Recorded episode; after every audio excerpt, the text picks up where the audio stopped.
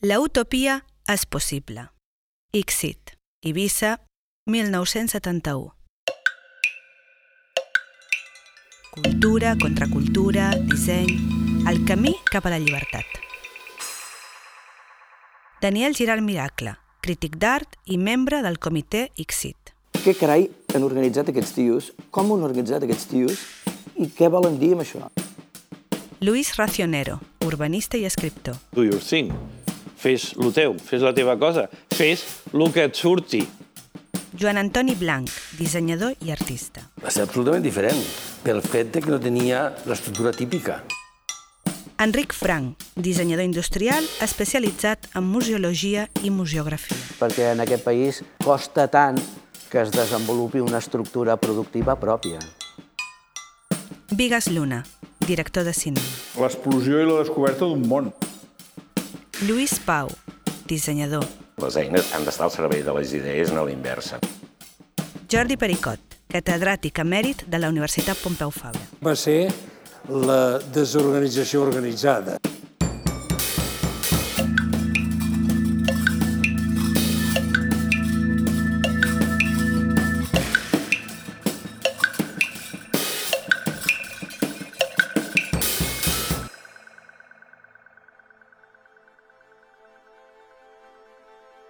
En unes circumstàncies molt intenses.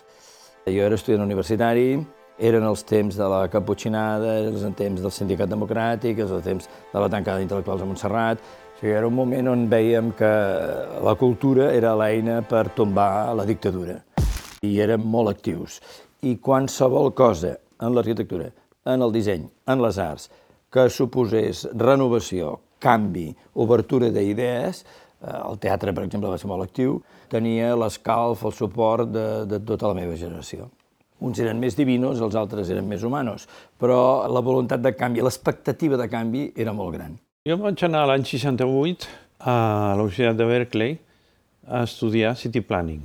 Em vaig trobar, degut a que era l'any 68, 69 i 70, amb tot un moviment cultural importantíssim, on es barrejaven aspectes polítics i culturals. És a dir, els moviments contra la guerra de Vietnam, els moviments d'alliberació de les minories, com els Black Panthers.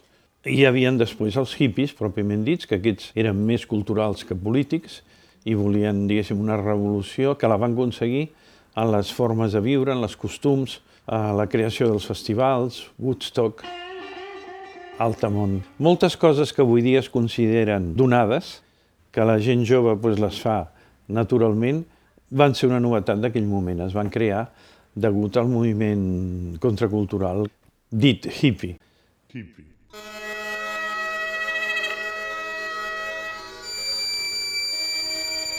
Quan em vaig tornar aquí, doncs vaig intentar explicar-ho. Vaig tornar aquí, eh, em vaig trobar que la discussió era si franquisme o comunisme. No? I clar, és que no era ni l'un ni l'altre, desgraciadament. I clar, llavors jo vaig aportar, doncs, per exemple, els temes de l'ecologia, que aquí encara no s'havien tocat. El moviment hippie, a qui va cridar més l'atenció va ser els antics o nous anarquistes i llibertaris. I això es va reflexar a l'Ajo Blanco. Però fora d'això, la societat d'aquí, eh, bueno, pues això, pues els que fe, van fer de hippies un temps, pues feien de hippies, però diguéssim amb tots els tics, estils i, i característiques dels hippies dels Estats Units. Sí, perquè aquí no, no hi havia una tradició, diguéssim, per entroncar amb els hippies com no fos de l'edat mitjana, no? De goliardos i de trobadors i de joglars. Vaig conèixer allà el Women's Liberation Front, no? el moment de lliberació de la dona, que també era una novetat, els moviments gais i de les altres minories. Bueno, clar, tot això ho vam anar difundint a través d'una revista que es deia Ajo Blanco, que era una revista que buscaba sobre todo sintonizar con algo que no había, dar voz a los que no tenían. que també es va fundar cap aquest any, no? 73, 74, part del Pepe Ribas, i clar, allà pues, disseminàvem totes aquestes idees i era pues, una alternativa a, pues, a la ideologia dominant, que era o bé de tipus franquista conservador o era de tipus marxista eh, absolutament antiquat i de modé. Però els intel·lectuals aquí estaven encara amb lo del marxisme, no se n'havien adonat que era un carrer sense sortida, això del marxisme. Bueno, en aquell moment, pensé a l'any 74, ja estàvem a les agonies de la dictadura. Ja estàvem a la dicta blanda i en un moment ja de, de fin, no? de final de segle. Es podien dir moltes més coses que abans, no? la cosa ja es veia. Naturalment, el 75 ja va morir el dictador, llavors ja eh, va ser molt més lliure, encara que els primers anys també hi havia uns certs controls. A nosaltres penso que ens van tancar alguna vegada la revista. No? Sí que no, tot no era possible, però sí que era molt més possible que si hagués sigut els anys 60. 60, 60, 60. El disseny en els anys 60 últims i 70 primers és un corrent impulsor de la cultura, en el sentit més genèric. I totes aquelles mancances que la societat i la universitat tenien, el món del disseny va ser fogar per al seu creixement i per la seva expansió. Hi ha uns moments que generalment coincideixen amb llibertat o amb eufòria econòmica que han estat els instruments de transformació més des de la societat civil que des de la governança. Em refereixo al modernisme, que no, no el patrocina l'administració, sinó que és la societat civil. Em refereixo al noucentisme, que té unes directrius des de la mancomunitat, però que en realitat és un moviment que arrela els arts i oficis d'una forma profunda. Hi ha el GATPAC, que el GATPAC té un cert empara política de la República, però són uns, el CERT, el Torres Clavé, el Rodríguez Àries, tots aquests. Després de la llarga dictadura, 40 anys, eh, doncs els últims, eh, es produeix un moviment renovador de la societat civil, que és el FAT. El FAT havia estat fundat el 1903 per noucentistes, porta aquest cicle de renovació amb els Premis FAT d'Arquitectura, amb els Premis ADIFAT de disseny, després vindran els Laus de gràfica, i tot això s'impulsa des de la societat civil, la societat civil. I el disseny durant uns anys es transforma en la bandera de la renovació. Persona físicament no és que fos molt més petita cara, però sí que a nivell social era més compacta. El grup de gent que es movia amb la filosofia, amb la literatura, amb la poesia, amb l'art en diferents aspectes, amb el disseny i l'arquitectura, tenien convivència. El FAT va actuar de, una mica de, de pal de paller en aquest sentit, era un lloc de un club de, de trobada, la DIFAT era una secció del FAT específica, i això facilitava que la gent allà acudia perquè es comunicava amb gent d'altres oficis, però que vivíem una mateixa escala de valors. No és baladí el fet de la lluita antifranquista, de l'Assemblea de Catalunya, de la tancada dels Caputxins i la tancada a Montserrat, que tot això va ser contemporani, i la gent era la mateixa. Hi havia una complicitat molt gran amb tothom. Eren dels teus, a tots nivells, a nivell polític, a nivell social i a nivell intel·lectual.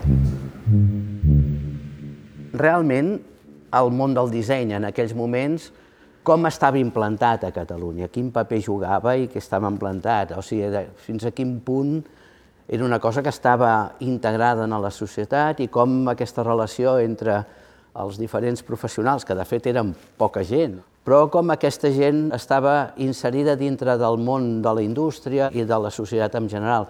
Jo crec que això ens donaria peu, jo crec que dues coses. Una, una gran feblesa per un costat, en una estructura molt feble, perquè, clar, tot s'aguantava una mica pels pèls i s'aguantava gràcies al treball personal d'aquestes persones, era una cosa... Però després una altra cosa que jo crec que és molt important i que en certa mesura s'ha perdut, que és aquesta passió i aquesta força d'aquest treball personal. O sigui, que aquestes persones s'ho creien de veritat, o sigui, realment els interessava el que estaven fent i pensaven que era bo per ells, per als altres i per al país.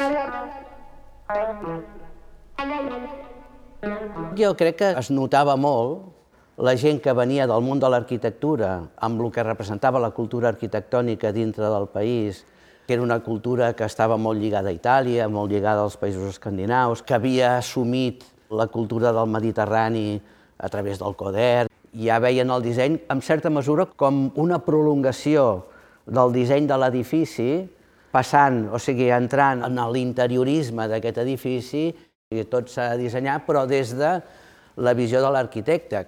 I els que venien, que eren més pròxims al món de la indústria i que aleshores veien el disseny com una, una professió molt específica, autònoma en certa mesura i al servei de la indústria i del mercat. Estudiant a l'Escola d'Aparelladors i col·laborant en arquitectura i iniciant els estudis d'arquitectura, em vaig desenganyar del sistema constructiu tan artesanal que havia en aquell moment i em va semblar que havia de derivar cap a un procediment més industrial. La paraula disseny industrial no estava al carrer, no formava part del nostre vocabulari, però em van informar uns amics que al FAT s'iniciava un, un experiment de parlar de disseny i, i em vaig apuntar i allí em vaig trobar amb el César Pellicer, el Vilèdia, el Roman Vallès, el Terrats i el Jordi Galí.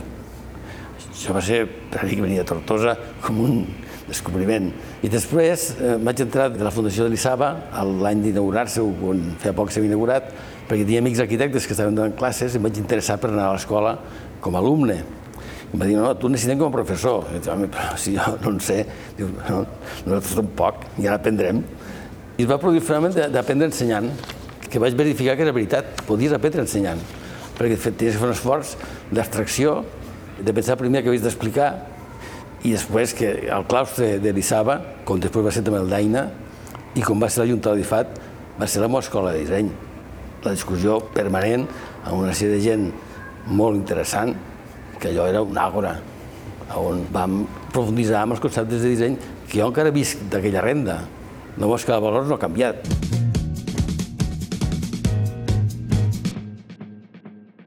El disseny i les escoles del disseny van molt més enllà que el propi disseny.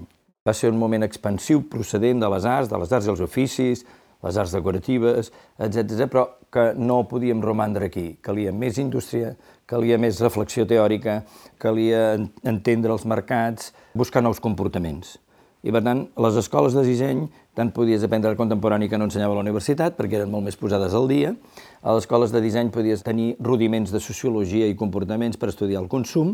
A les escoles de disseny es feia de literatura contemporània perquè se no es podia eh, ser intel·ligent si no sabies què passava en el món de les lletres o el món de les arts.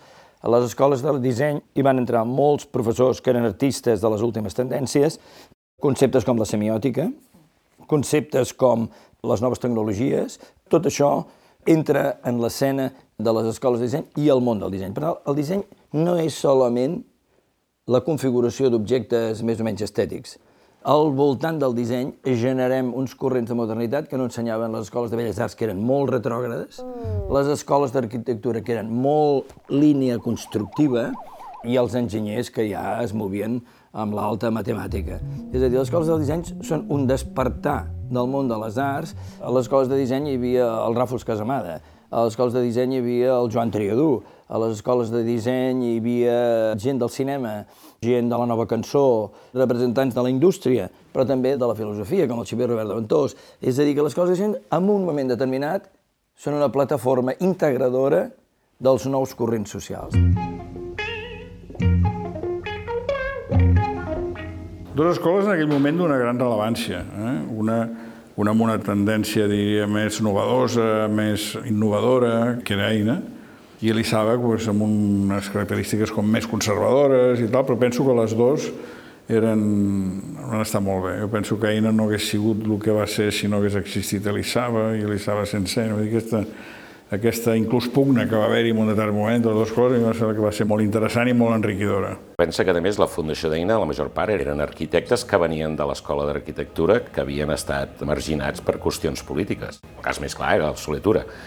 Però, bueno, del Castellet, el Carandell, el Ràfols Casamada, el Guinovar, d'aquests que també més compromesos políticament, diguem-ne, hi havia també el Roman Govern, eh, que són els que eren el bloc més ideòleg i, de fet, el bloc es va separar de l'Isaba per qüestions ideològiques i de religió i de sexe. Però el dia que van passar potser els més agosarats, o més oberts, més interessants. Ja, ja vaig explicar el conflicte, em sembla que el dia que es van veure, del, del tema del Gorban Govern, el conflicte religiós sobre les anades a Perpinyà a cine i el sermó que es van fer de que havien d'ensenyar el disseny al llum de l'Evangeli, d'aquestes coses, i aquí això va produir un cisma i ràpidament va sortir una altra cosa que va ser Eina. Eina va sortir molt oberta, sense cap condicionant, Potser eh, amb la mancança d'un menys, rigor organitzatiu o, o administratiu i de seguiment de l'alumne, a ell el que volia fer feia, el que no volia fer no feia. Però tenies l'oportunitat de fer perquè el professor que havia era molt interessant, era potser la gent més al dia que en estava a Barcelona.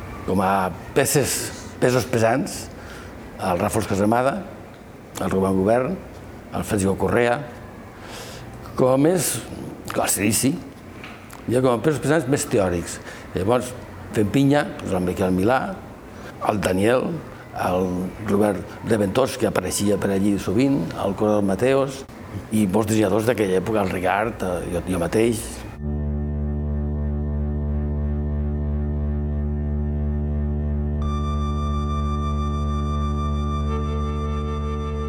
aquella època no teníem titulació de reconeixement i aquestes eren les coses que hi havia gent que es preocupava i gent que no.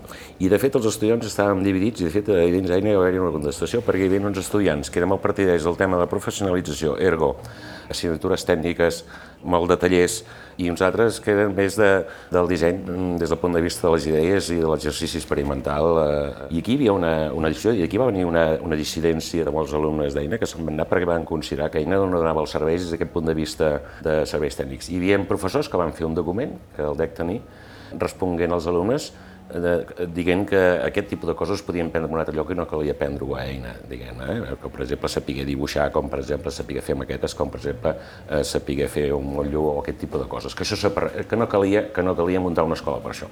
Bé, els discursos ara són una miqueta més equilibrats, és a dir, les dues coses es complementen. Una altra cosa és que l'escola estigués mm, més aviat dirigida al camp de les eines, malgrat l'escola, de les eines i no de les idees. No? Les eines han d'estar al servei de les idees, no a l'inversa. No? El que quedava de l'Isaba quedava, et recordo, ja que hem parlat d'un parell de professors i 7 o 8 alumnes, és a dir, no quedava res. Amb la decisió amb eina se'n van anar tots cap a l'altre cantó. Aleshores em van demanar aquest licor enverinat, diguem-li, en aquell moment. Era maco poder reemprendre una tasca com aquesta, però eh, s'ha de reconèixer que tot el pes intel·lectual i reconegut socialment en el poc que se sabia del disseny aquí estava a Eina. Arribava jo com un pobre, un pobre neòfit en el món del disseny aquí amb el suport de dos professors i set alumnes. Total que vaig haver de reorganitzar, redefinir, podríem dir, l'escola Elisava. El disseny, abans d'aquesta decisió, que jo no coneixia aquí encara perquè estava fora, era un disseny molt lligat totes les tendències més aviat angleses de les arts en craft, com una continuïtat artística passant per la indústria, però estava més pròxim al concepte d'arts aplicades, al meu entendre, que no pròpiament del disseny. Jo tenia la idea que s'havia de fer un disseny a partir exclusivament de la raó, a partir exclusivament de les necessitats socials i poder aportar solucions socials i no artistificar o edulcorar els, els projectes. Per exemple, en el, el primer pla d'estudis que vaig muntar allà, la història de l'art va desaparèixer, perquè era contrari, precisament, en aquest desviava el concepte de disseny. Així no ho teníem nosaltres en aquell moment. Era introduir un espai mogut per la part, diguem-ne, sentimental, emotiva, inqualificable de l'art, en un món que volíem que fos exactament totalment un altre. Vam haver de passar la, la, la guerra del disueño.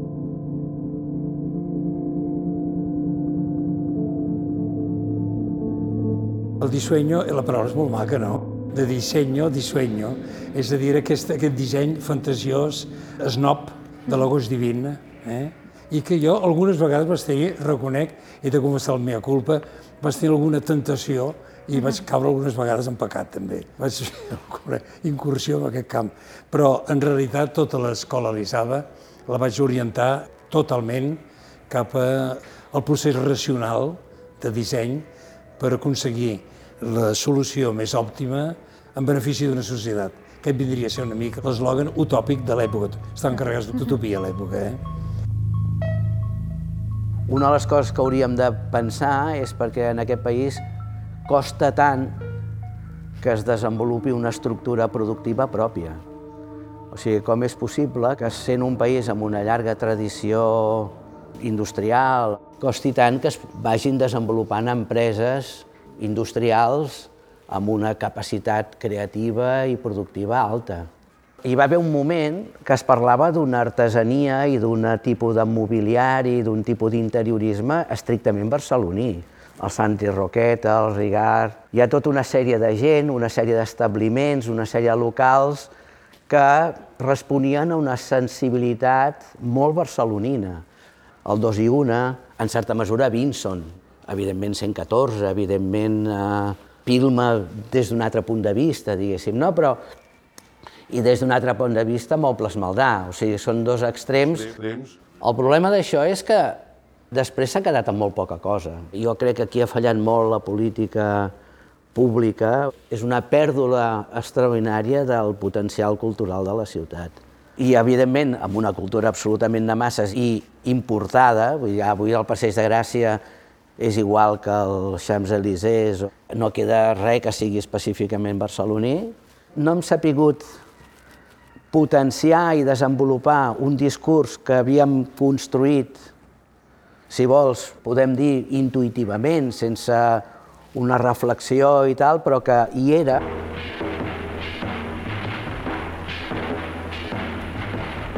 El disseny és un espai d'activitat amb un fort potencial utòpic i que està entremig de la vida de cada dia, de l'alta cultura i de la capacitat que tenim i dels mitjans que tenim per produir el nostre entorn diàriament. En el camp polític hi havia una discussió si el disseny afavoria el capitalisme, afavoria el consumisme, és a dir, el disseny era una eina per provocar el consum, i res més que això, i l'altre era, els més ingenus segurament érem, els que creiem que el dissenyador havia d'incidir en el procés de disseny i que una de les premisses bàsiques era a partir de les necessitats reals i no les fictícies que hauria de crear amb el disseny.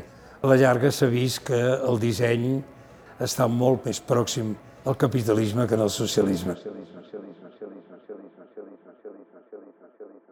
Properament. L'experiència que tenia tots els congressos de l'ICSIT és que eren molt avorrits. Vam tractar d'organitzar un nou estil de congrés. Vam dir, on t'ho fem? Eivissa. Eivissa. Eivissa. Eivissa. Eivissa. Cala Sant Miguel a Eivissa. Encara era la Eivissa primigènia. No podia haver passat en lloc més. No volíem fer conferències magistrals, no volíem festes de saló. No sé, en Bermudes... I... Volíem una altra cosa. Un happening. Què seria la Instant City? La Instant City... Molt maca, més, amb plàstic de colors. Dir, escolta, això sembla fàcil, un ventilador, un plàstic... Estàvem plantant. Un material que permeti construir una ciutat instantània com PVC. Com ho fem, això? No tenéis dinero, no tenéis nada. ¿Y cómo podría yo resolverle el problema a estos chavales? Era emocionant, era... Instant City s'ha transformat en el tòtem que identifica i explica què va ser l'ICSI. Verdaderamente extraordinario.